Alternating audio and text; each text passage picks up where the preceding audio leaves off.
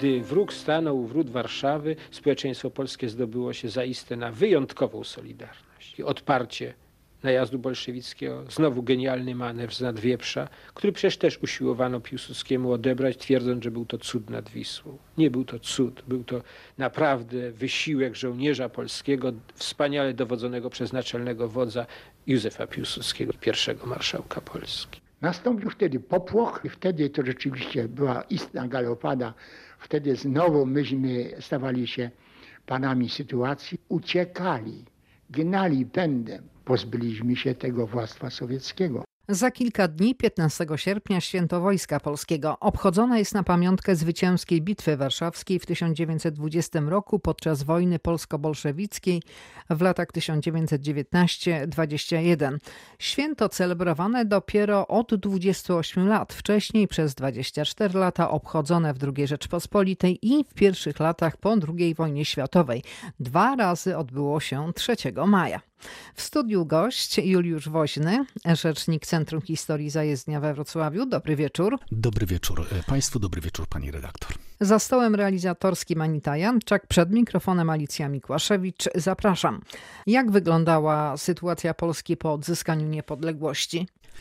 była niezmiernie skomplikowana. Trzeba było zszyć, sfastrygować trzy kawałki, które były ponad 100 e, lat e, osobno, były częścią osobnych państw w związku z tym e, to naprawdę było bardzo poważne zagadnienie i, i, powiem, że Polacy zdali ten egzamin na szóstkę, bo na piątkę to za słabo powiedzieć. Na szóstkę wykazaliśmy się fenomenalną organizacją, genialną logistyką. To się mało kojarzy e, z Polakami tak na co dzień, a jednak w momencie próby zdaliśmy egzamin na szóstkę. To w takim razie jak doszło do wojny polsko-bolszewickiej? Intencje towarzysza Lenina były takie, że on od razu chciał nieść płomień rewolucji na zachód Europy.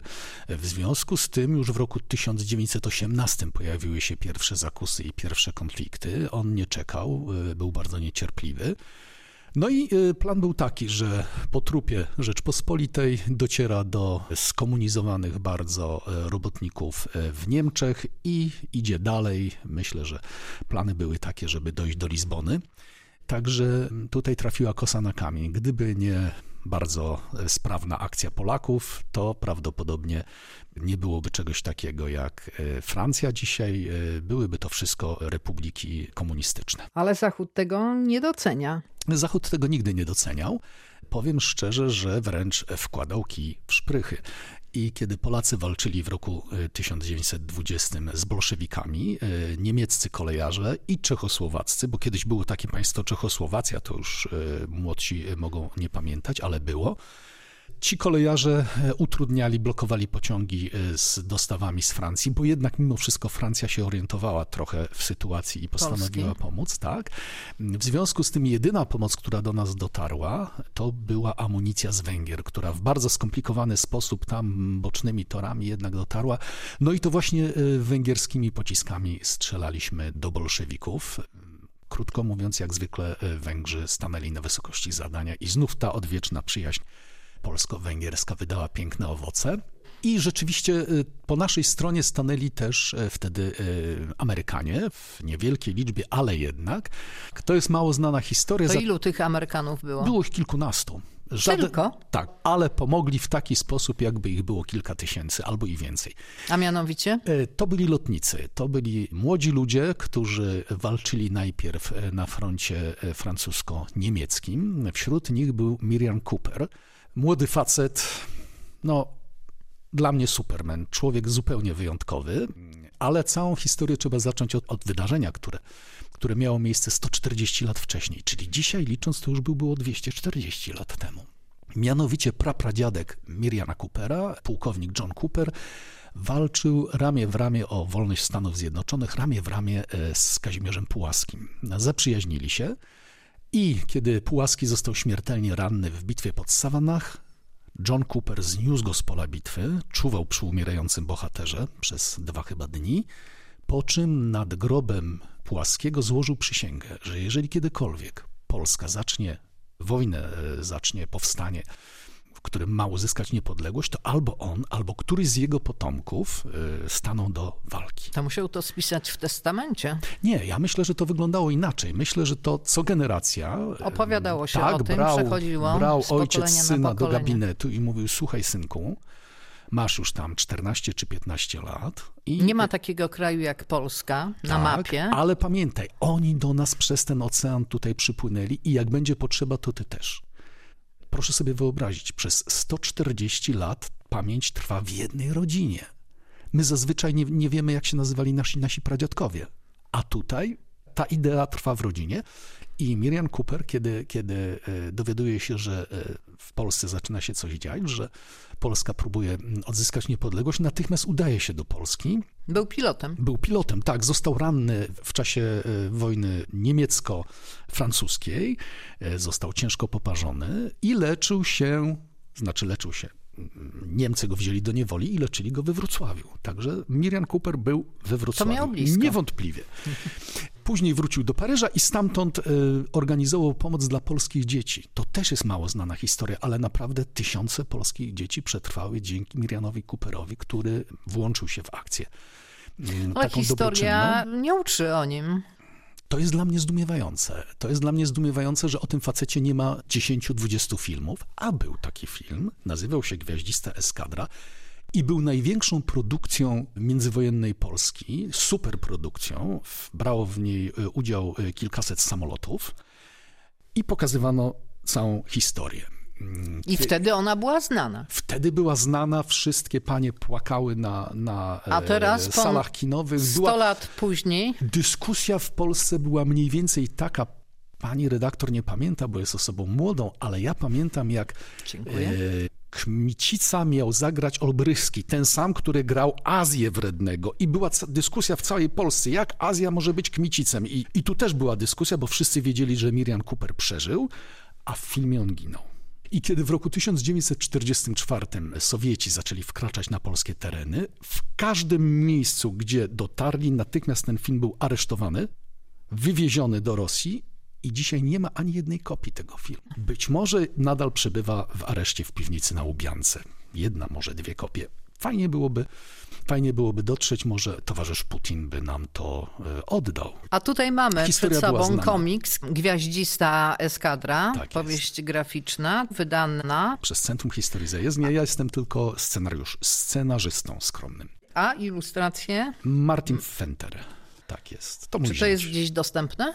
Tak, jest dostępne, można to kupić w Centrum Historii Zajezdnia. Kilka lat temu przed e, zajezdnią stał e, olbrzymi King Kong, wielka małpa, który, który reklamował ten komiks. A dlaczego akurat King Kong? No właśnie, dlaczego King Kong? Otóż, kiedy już się nawojował mm, Cooper, kiedy już się nawojował w Polsce, wrócił do Stanów Zjednoczonych, napisał scenariusz i wyreżyserował pierwszego w dziejach kinematografii światowej King Konga. To temu facetowi zawdzięczamy King Konga. I to jest jeszcze jeden powód, że o nim powinno być 10 albo 20 filmów, a może i serial.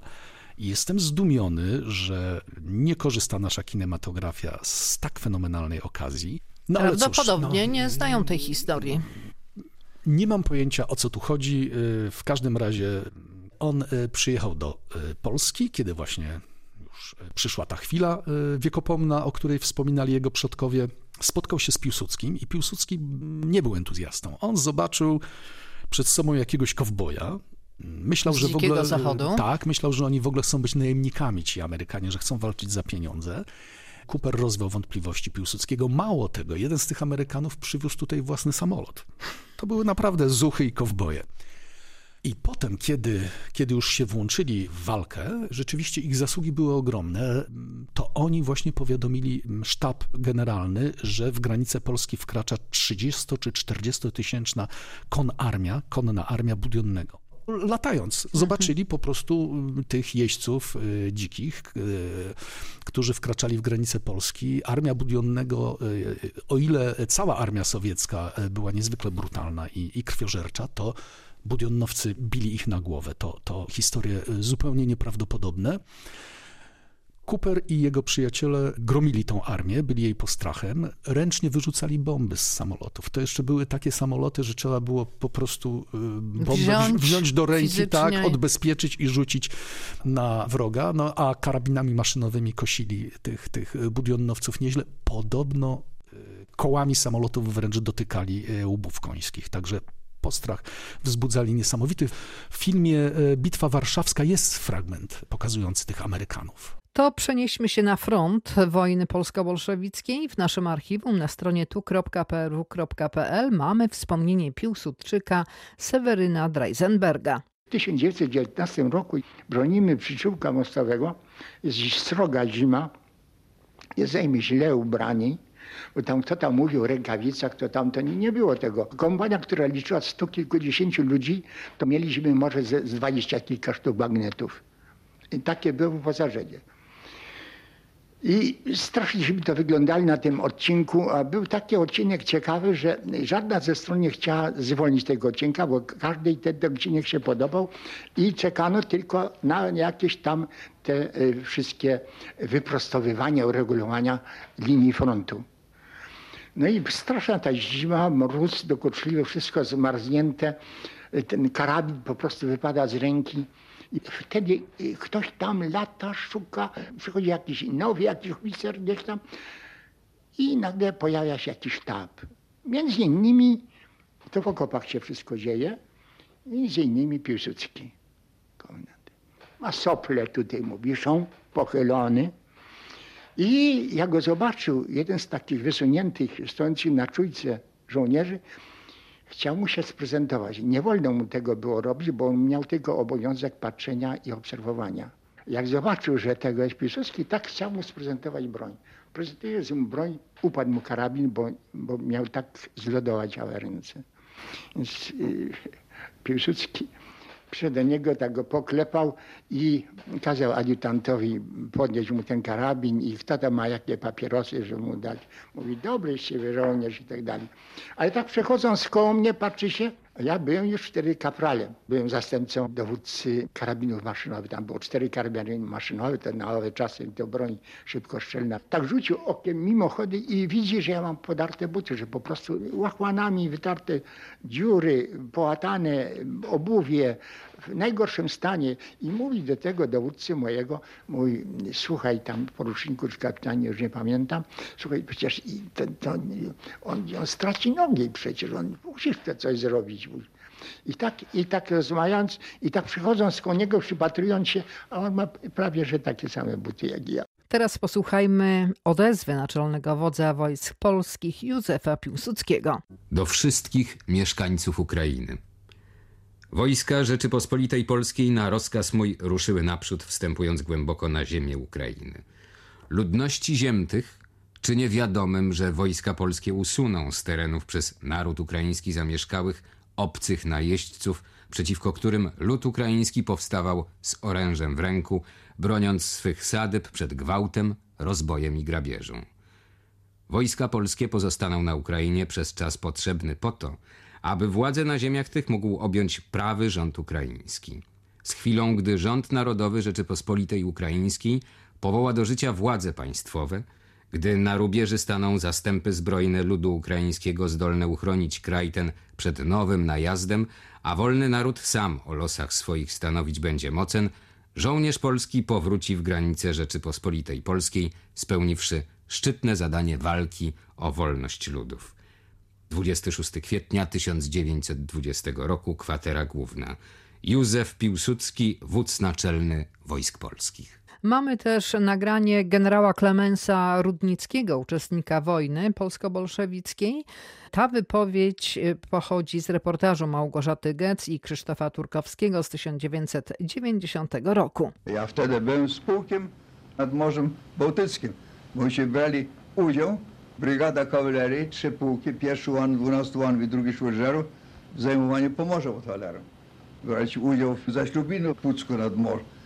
I tam nas na wiosnę został rozkaz koncentracji całej kawalerii. Przywieźli nas transportami na Cucz, pod Szybytówkę.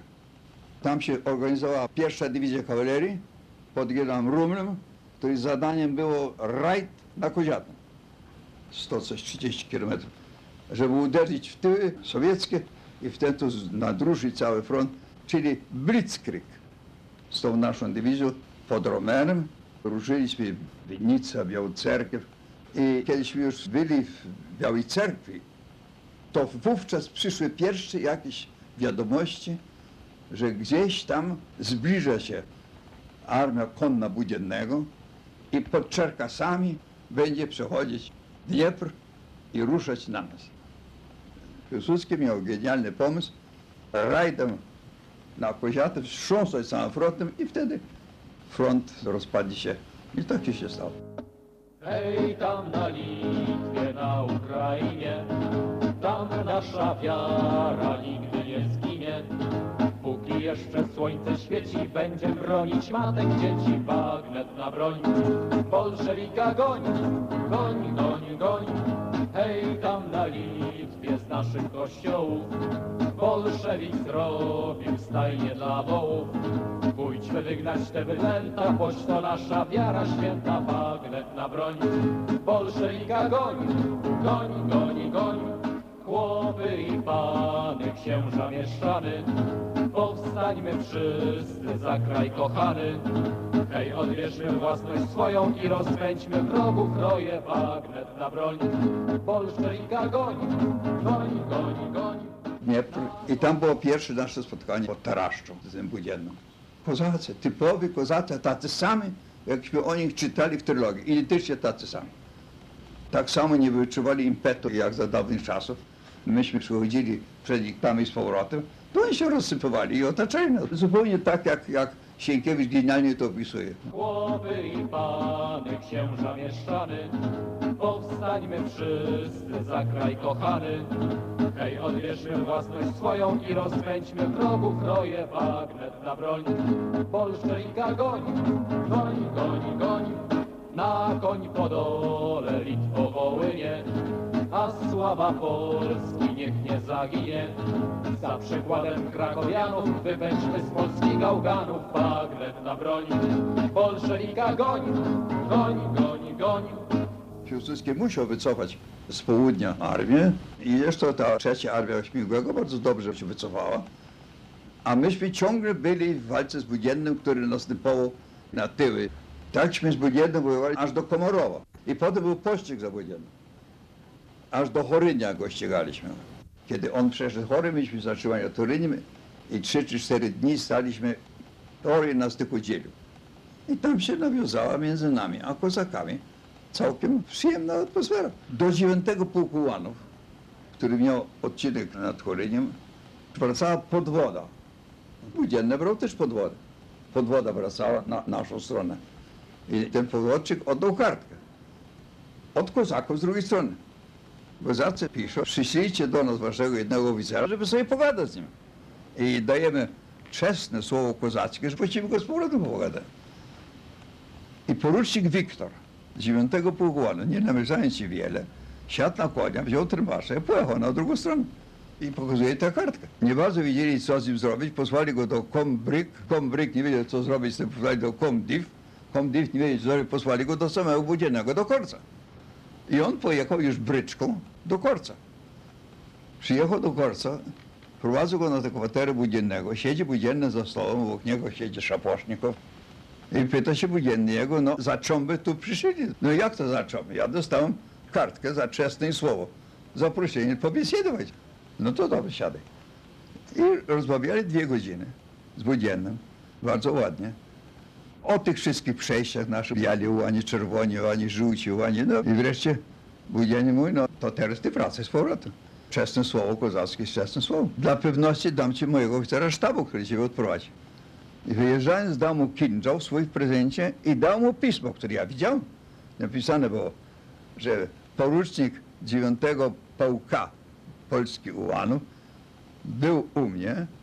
Dwie godziny z nim bardzo ładnie rozmawiali. Niczym tajemnic wychowych nie zdradził, podpisany Budzian.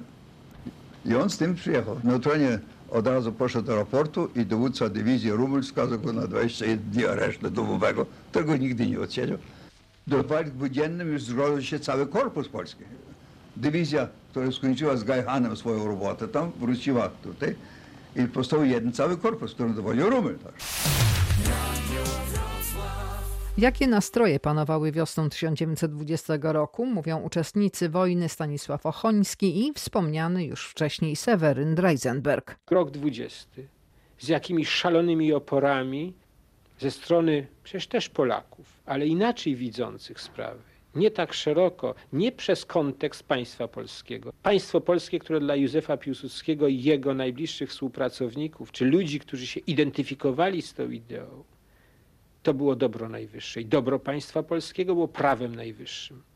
To, co zostało tak mocno przez Piłsudskiego wyartykułowane. Przychodzi rok dwudziesty, gdy nie wszyscy w społeczeństwie polskim rozumieją, dlaczego trzeba orężnie wytyczyć wschodnią granicę Rzeczypospolitej.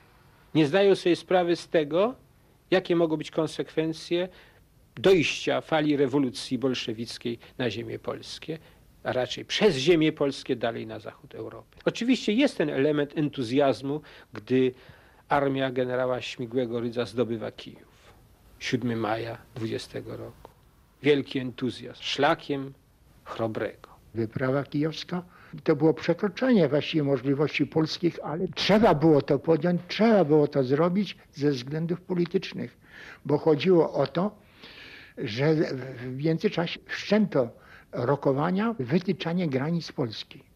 I teraz właśnie jak te granice się miały kształtować, to mieli przede wszystkim Polacy dać na to dowody, że na tych terenach istnieją jakieś zalążki bodaj polskości. I trzeba było powiedzieć, trzeba było historię powtórzyć, że kiedyś myśmy byli przecież też w Kijowie.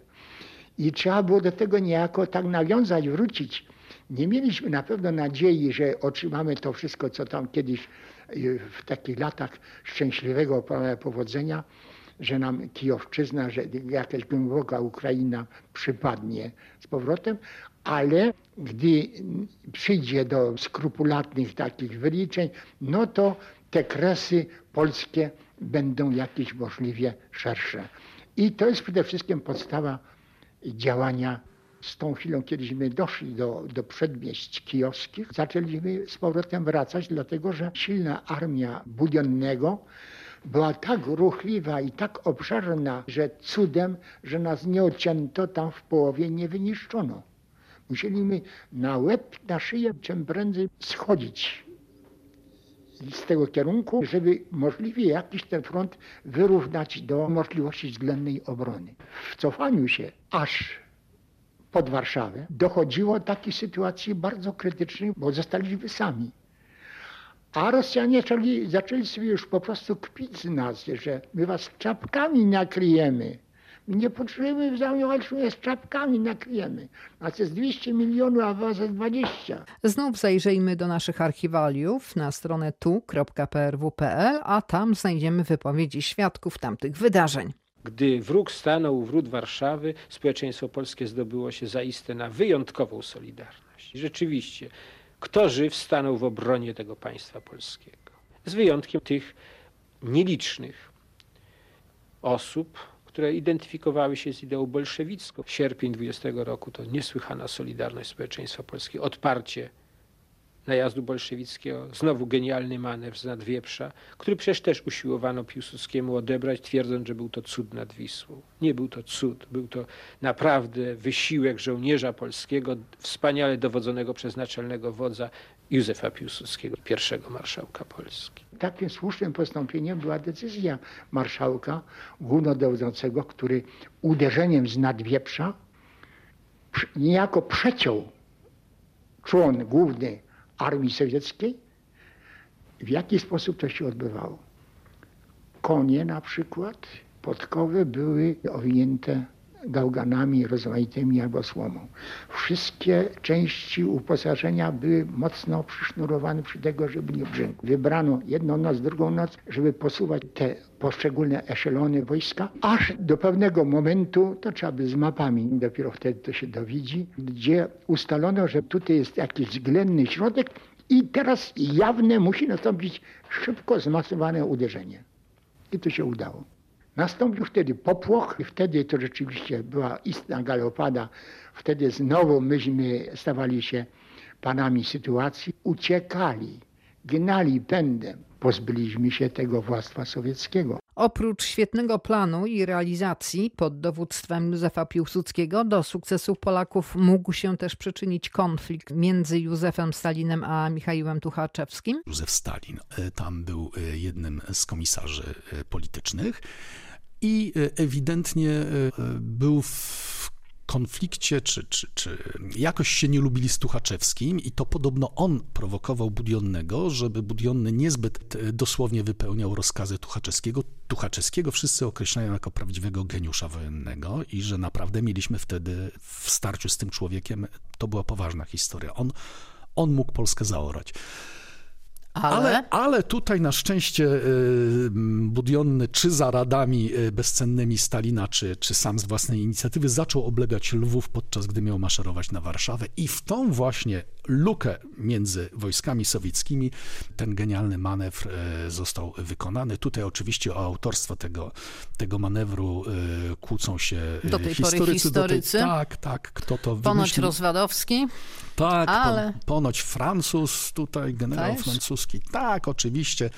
Każdy sukces ma e, wielu ojców, jak wiadomo. Mm, Klęska jest środką. Jak było, tak było. W każdym razie e, Polacy mm, rozgromili e, wojska sowieckie. Część wojsk tam na, na północy musiała się aż do Prus, gdzie została internowana, mm, udać. Także rzeczywiście sukces ogromny. Oczywiście historycy znów się zastanawiają, czy aby dobrze wykorzystany, czy źle wykorzystany. Moim zdaniem znakomicie wykorzystany. Ta wojna to jest rzeczywiście modelowa, tak należy prowadzić wszystkie wojny i tak należy negocjować e, zwycięstwo. Zastanawiają się teraz historycy, czy rzeczywiście można było większy kawałek, bo Sowieci byli gotowi oddać. Oni byli przekonani, że wojna będzie trwała nadal, więc e, w ramach taktyki byli gotowi oddać tam spore tereny na wschodzie. Czy potem by się to nie zemściło, ponieważ były to już tereny y, słabiej zaludnione przez Polaków, tereny, na których y, mniejszości, czy, czy w tym przypadku w zasadzie większości. y, No, można powiedzieć, że się trochę zemściło. Tak, 23-4 lata później, prawda? jest. Wołyń i Tak okolice. jest, tak jest. Także co by było, gdyby ta granica Polski sięgała jeszcze dalej na wschód, no to e, możemy sobie dzisiaj gdybać. E, Scenariusz jest prawdopodobny taki jak ten, o którym wspomniała pani redaktor. Oczywiście później e, w roku e, 1937 i 1938 Polacy pozbawieni ochrony na tamtych terenach zostali poddani eksterminacji przez Stalina. Mało kto dziś też pamięta, że 111 tysięcy Polaków zostało wymordowanych w ramach tej akcji polskiej. To też można uznać, że, że był, to, był to rezultat tych, tych zawartych wtedy rozejmów z Rosjanami. Jak już słyszeliśmy, do Bitwy Warszawskiej przylgnęło pojęcie cudu nad Wisłą. 15 sierpnia bowiem przypada kościelna uroczystość w niebo wzięcia Matki Bożej. Wydaje mi się, że to nie był cud, ponieważ po prostu y, wojskowi zrobili swoje, y, zachowali się naprawdę fenomenalnie, ale prawdziwym cudem dla mnie było to, co się działo na głębokim zapleczu frontu. To znaczy to, że polskie społeczeństwo, podkreślę, przypomnę, e, składające, e, mieszkające dotąd w ramach trzech e, systemów Zaborów. państwowych, trzech zaborów, tak, potrafiło zdobyć się na tak nieprawdopodobny wysiłek organizacyjny, dostarczyć Bo to mundury, wróg odwieczny. tak, dostarczyć mundury, broń, wyszkolić ludzi i wysłać na front, dowieść ich tam. Proszę Państwa, to była ogromna operacja. To były setki tysięcy żołnierzy, które e, tam wyruszyły. Skąd mieliśmy na to pieniądze jako państwo, które powstało No właśnie, dopiero? to, jest, to, był, to był właśnie ten cud. To był właśnie ten cud. Y, Odbyło się to w fenomenalny sposób. No, oczywiście y, część mundurów była z magazynów, które zostawili zaborcy. Broń stamtąd była. Samoloty, na których właśnie latali y, Amerykanie. Amerykanie, Amerykanie to też były samoloty pozostawione tutaj na naszych terenach przez wrogie armie. I w taki im, improwizowany sposób walczyliśmy z Sowietami. Oni byli przekonani, że, że e, bez większych problemów załatwią całą sytuację. Z jakiego względu? E, Wierzyli w to, że robotnicy polscy chwycą za broń, że, że wystąpią przeciwko temu młodemu państwu, przeciwko swojej młodej ojczyźnie. No i tu spotkał ich srogi zawód. Zarówno robotnicy, jak chłopi masowo e, wystąpili w obronie e, państwa. To świadczy o tym, że praca organiczna, że to, czego dokonano pobudzając świadomość narodową e, na, na terenach e, zaborów, że wydało wtedy, wtedy owoce. Owoc. Mm, także e, ta propaganda Oczywiście część Polaków wystąpiła przeciwko Polsce. Mało tego, w armii sowieckiej, która szła od wschodu, przecież byli ludzie mówiący po polsku i gotowi do stworzenia rządu tutaj na terenach Polski. To o tym myślę, że bardzo wiele osób wie. W każdym razie wszystkie te e, zamiary e, udało się zlikwidować, no i mieliśmy przed sobą 20 e, lat spokoju, 20 lat, spokoju, 20 lat budowania własnego państwa. Natomiast sama bitwa warszawska to powinno być naprawdę pokazywane w setkach filmów dokumentalnych, w dziesiątkach Według filmów historyków fabularnych. to 18 z najważniejszych tak. bitew na świecie. Tak jest. Tak jest. E, pochód e, Sowietów został e, zatrzymany. No, gdyby to się nie udało, to też oczywiście jest sfera gdybania. Komunizm ale, się rozlał tak, na całą Europę. Tak, tak. Sytuacja byłaby krańcowo odmienna. Jak mówię, historia potoczyłaby się zupełnie inaczej. To najważniejsza bitwa Polaków? No ja myślę, że można to śmiało zestawiać z Wiktorią Wiedeńską czy z bitwą pod Grunwaldem. To jest rzeczywiście taki kamień milowy w dziejach naszego kraju i tutaj niezwykle doniosłe skutki w zasadzie chyba, chyba e, donioślejsze niż tamtych poprzednich dwóch bitew, bo e, gdybyśmy przegrali Grunwald, no to chyba generalnie nie byłoby mm, tak śmiertelnego zagrożenia dla państwa polskiego. No, mm, krzyżacy umocniliby swoją pozycję, konflikt prawdopodobnie trwałby nadal. Natomiast gdyby e, zamiary Lenina się powiodły, to koniec. To nie byłoby Polski. Prawdopodobnie dzisiaj mówilibyśmy innym językiem językiem, prawdopodobnie, mm, jak mówiłem, cała historia kontynentu wyglądałaby inaczej. Zatem... Choć starsza część społeczeństwa doskonale zna rosyjski. E, no więc właśnie, tutaj e, trochę e, smaku tego, co, co mogło nas spotkać, poznaliśmy, aczkolwiek wtedy w wydaniu tym rewolucyjnym komunizm był dużo bardziej drapieżny. A czy brak dyscypliny w armii rosyjskiej mógł się przyczynić do przegranej bitwy warszawskiej? No, y, niewątpliwie Budiony był wataszką. E, on y, samodzielnie tutaj y, sobie działał. Przy czym pamiętajmy później, że Tuchaczewski w roku chyba 1939 został rozstrzelany. Także te konflikty, które wtedy się pojawiły... No, Stalin rządził. Tak, no a, a ponieważ a nie byli się, panowie Tak, konflikt się wtedy zaczął. No, wspominałem o tym, że Tuchaczewski był bardzo zdolnym dowódcą. dowódcą. No i to było przeciwko niemu. On y, w ogóle był człowiekiem wysokiej kultury, y, grywał na skrzypcach, człowiek wysokiej kultury, szerokich horyzontów. W związku z tym, jak mówię, to wszystko było przeciwko niemu. E, Stalin w swoim otoczeniu e, cenił... Pozbywał się tych tak, bardziej tak, utalentowanych, mądrzejszych. W dodatku no, lubił, jeśli te osoby, które go otaczały, były niższe od niego, a on sam nie był wysokiego wzrostu, także rzeczywiście... Za to wąsy miał długie. Za to wąsy miał, tak, znakomite. No i usta ponoć słodsze od malin, także... Tak śpiewano. Jak, jak śpiewano wtedy. Także rzeczywiście. E, Ale nie uważa pan, że Stalin wtedy, jak Rosja poniosła tę klęskę, w 1920 roku tak, właśnie tak, i to była zemsta. Oczywiście. W 1939. Oczywiście. Oczywiście. Dokładnie I 17 tu ciekawa, września. Tu jest ciekawa sprawa, bo zastanawiamy się czasami, dlaczego, e, dlaczego 17 września, 1 września Niemcy zaatakowali, e, Sowieci dopiero, dopiero 17. 17 oni pamiętali to lanie z 20 roku. I oni wcale nie byli pewni, czy Polacy tak łatwo ulegną zjednoczonej, e, zjednoczonym siłom niemiecko-sowieckim. W związku z tym czekali na wynik e, tego, co się działo na Zachodzie. I kiedy zobaczyli, że rzeczywiście Niemcy nadspodziewanie dobrze e, sobie radzą, wtedy już przyszli na gotowe, wkroczyli. Także mm, to też... Wykorzystali już jakby tak, przyszli to, co zrobili Niemcy. Tak jest i tutaj, tutaj e, Hitler e, postąpił niezbyt logicznie, oddając im e, kawałek, czyli od, odsuwając granicę e, zachodnią Sowietów e, o, o spory kawałek na zachód. Krótko mówiąc, oni mieli w pamięci, byli przekonani, że Polacy e, będą walczyć e, tak jak wtedy. Polacy walczyli tak jak wtedy, tylko przewaga niemiecka e, była miażdżąca. No i potem jeszcze ten dodatkowy czynnik, jak to się wtedy i do dzisiaj określa, cios w plecy ze strony mm, Związku, Związku Radzieckiego. Radzieckiego. Tak, to, to przesądziło o sprawie. Ale możemy mieć tą satysfakcję, że rzeczywiście e, wygraliśmy z niezwyciężoną Armią Czerwoną. Rzeczywiście e, pogoniliśmy ich e, stąd i to na długie lata.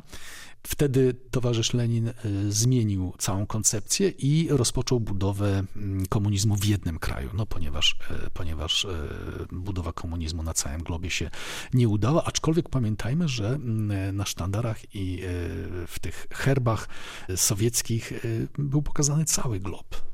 Także tu nie jest tajemnicą, jakie były e, ich Plany. zamiary. Tak, chodziło o to, żeby opanować całą ziemię.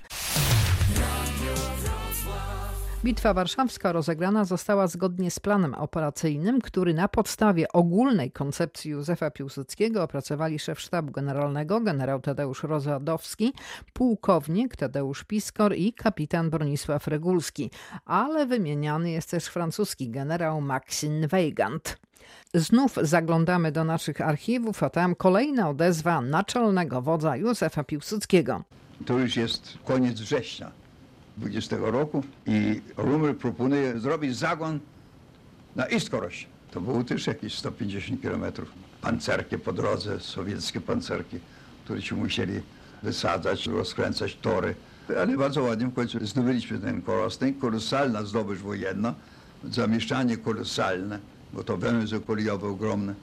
No i stamtąd wróciliśmy z powrotem i jak pamiętam 10 października wracaliśmy i tam wojna się skończyła. Rozkaz, że zawieszenie broni. Żołnierze. Dwa długie lata pierwsze istnienia wolnej Polski spędziliście w ciężkiej pracy i krwawym znoju. Kończycie wojnę wspaniałymi zwycięstwami i nieprzyjaciel złamany przez was zgodził się wreszcie na podpisanie pierwszych i głównych zasad upragnionego pokoju. Zadanie nasze dobiega końca. Nie było ono łatwym. Polska, zniszczona przez wojnę, nie z jej woli na ziemiach polskich prowadzoną, była biedna. Nieraz żołnierze łzy cisnęły mi się do oczu, gdym widział wśród szeregów wojsk prowadzonych przeze mnie wasze bose pokaleczone stopy, które już przemierzyły niezmierne przestrzenie. Gdym widział brudne łachmany pokrywające wasze ciało. Gdym musiał obrywać wasze skromne racje żołnierskie i żądać często, byście o głodzie i chłodzie szli do krwawego boju. Praca była ciężka, a że była rzetelna, zaświadczą o tym tysiące mogił i krzyżów żołnierskich, rozsianych po ziemiach dawnej Rzeczypospolitej, od dalekiego Dniepru do rodzimej Wisły. No, przykra rzecz, bo prawie w ostatni dzień zginął bardzo dzielny dowódca szwadronu 14 pułku. On przeszedł wszystko ładnie, a w ostatnim prawie gdzie zginął. Za pracę i wytrwałość, za ofiarę i krew, za odwagę i śmiałość dziękuję wam, żołnierze, w imieniu całego narodu i ojczyzny naszej. Józef Piłsudski, pierwszy marszałek Polski i naczelny wódz. Jedzie, jedzie na kasztance, na kasztance,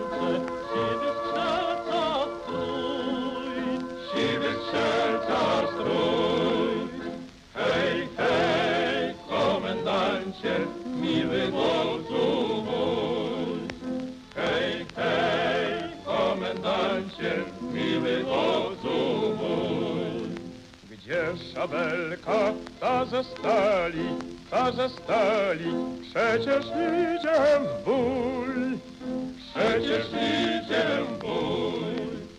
Hej, hej, komendancie, miły wodzu mój. Hej, hej, komendancie, miły wodzu mój. Gdzie twój mundur generalski, generalski, złotem szywany, złotem szywany. Hej, hej, komendancie, Wozdów kochany. Hej, hej, komendancie, Wozdów kochany. Idziem z tobą po zwycięstwo, po zwycięstwo młodych strzelców. Młodych strzelców rój. Hej, hej, komendancie, miły wodzu mój. Hej, hej, komendancie, miły wodzu mój. Idziem z tobą po zwycięstwo, po zwycięstwo, potem krew i mój, potem krew i mój. Hej, hej, komendancie, miły wodzu mój. Hej, hej, komendancie, miły.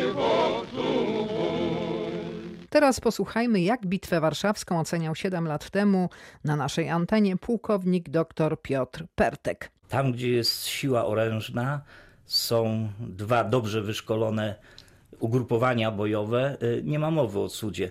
Samo określenie cud nad Wisłą pochodzi z prasy.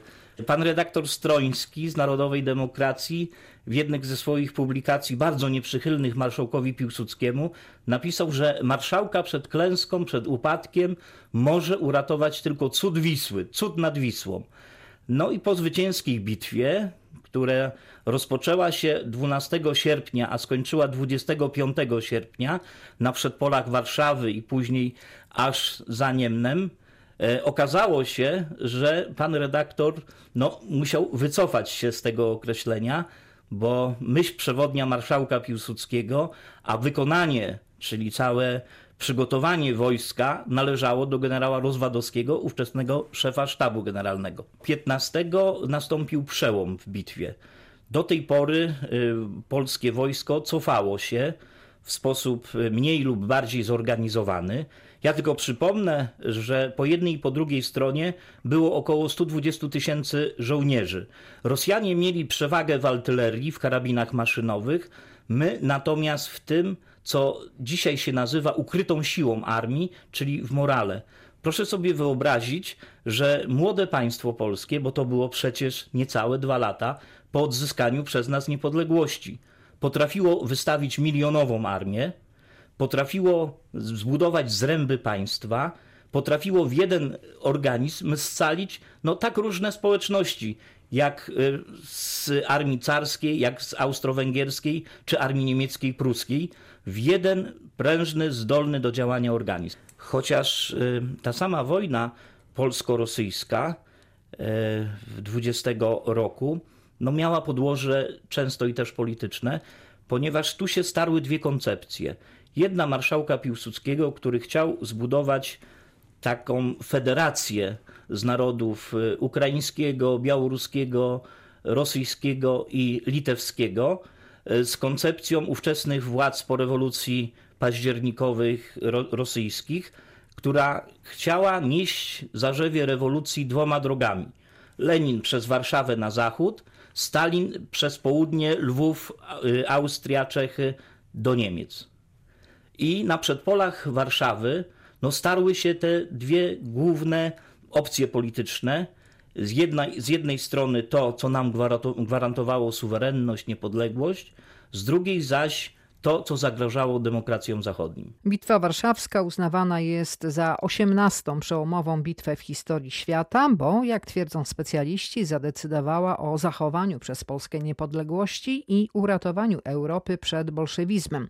I podkreślmy, mówią to nie tylko polscy historycy.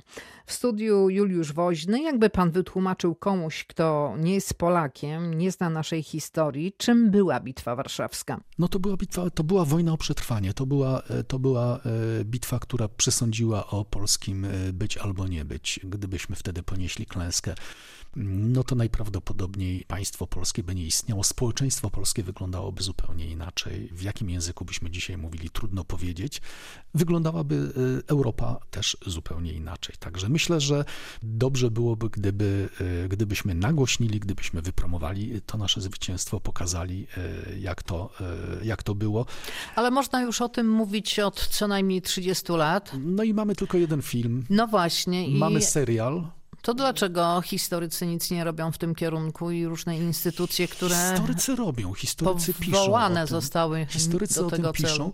Natomiast zdumiewające jest dla mnie to, że nie eksploatujemy tych e, tematów e, w popkulturze, w przestrzeni społecznej, że nie, na- nie nagłaśniamy tego, że nie Ale budujemy na przykład naszej... taki komiks uważam, żeby spełnił świetną rolę e, w szkole podstawowej. Myślę, że I- tak. Może i nadśredniej. Myślę, że tak. E, W takiej intencji on e, został e, stworzony. No tak, a ile jest, jaki marzył jest mi się- nakład się, tego wydawnictwa? No, Około 3000 egzemplarzy. No, no to jest no, kilkanaście szkół No, zaledwie. no, zdaję sobie sprawę, ale jak mówię, to autostradą mkną szybkie Mercedesy, a ja swojego osiołka popędzam brzegiem tej autostrady, no i próbuję robić to, co jest, to, co jest możliwe, to, co jestem w stanie zrobić. Dlatego apeluję, jeśli słucha nas jakiś Wydawca. wybi- wybitny reżyser albo wydawca, pomóżcie.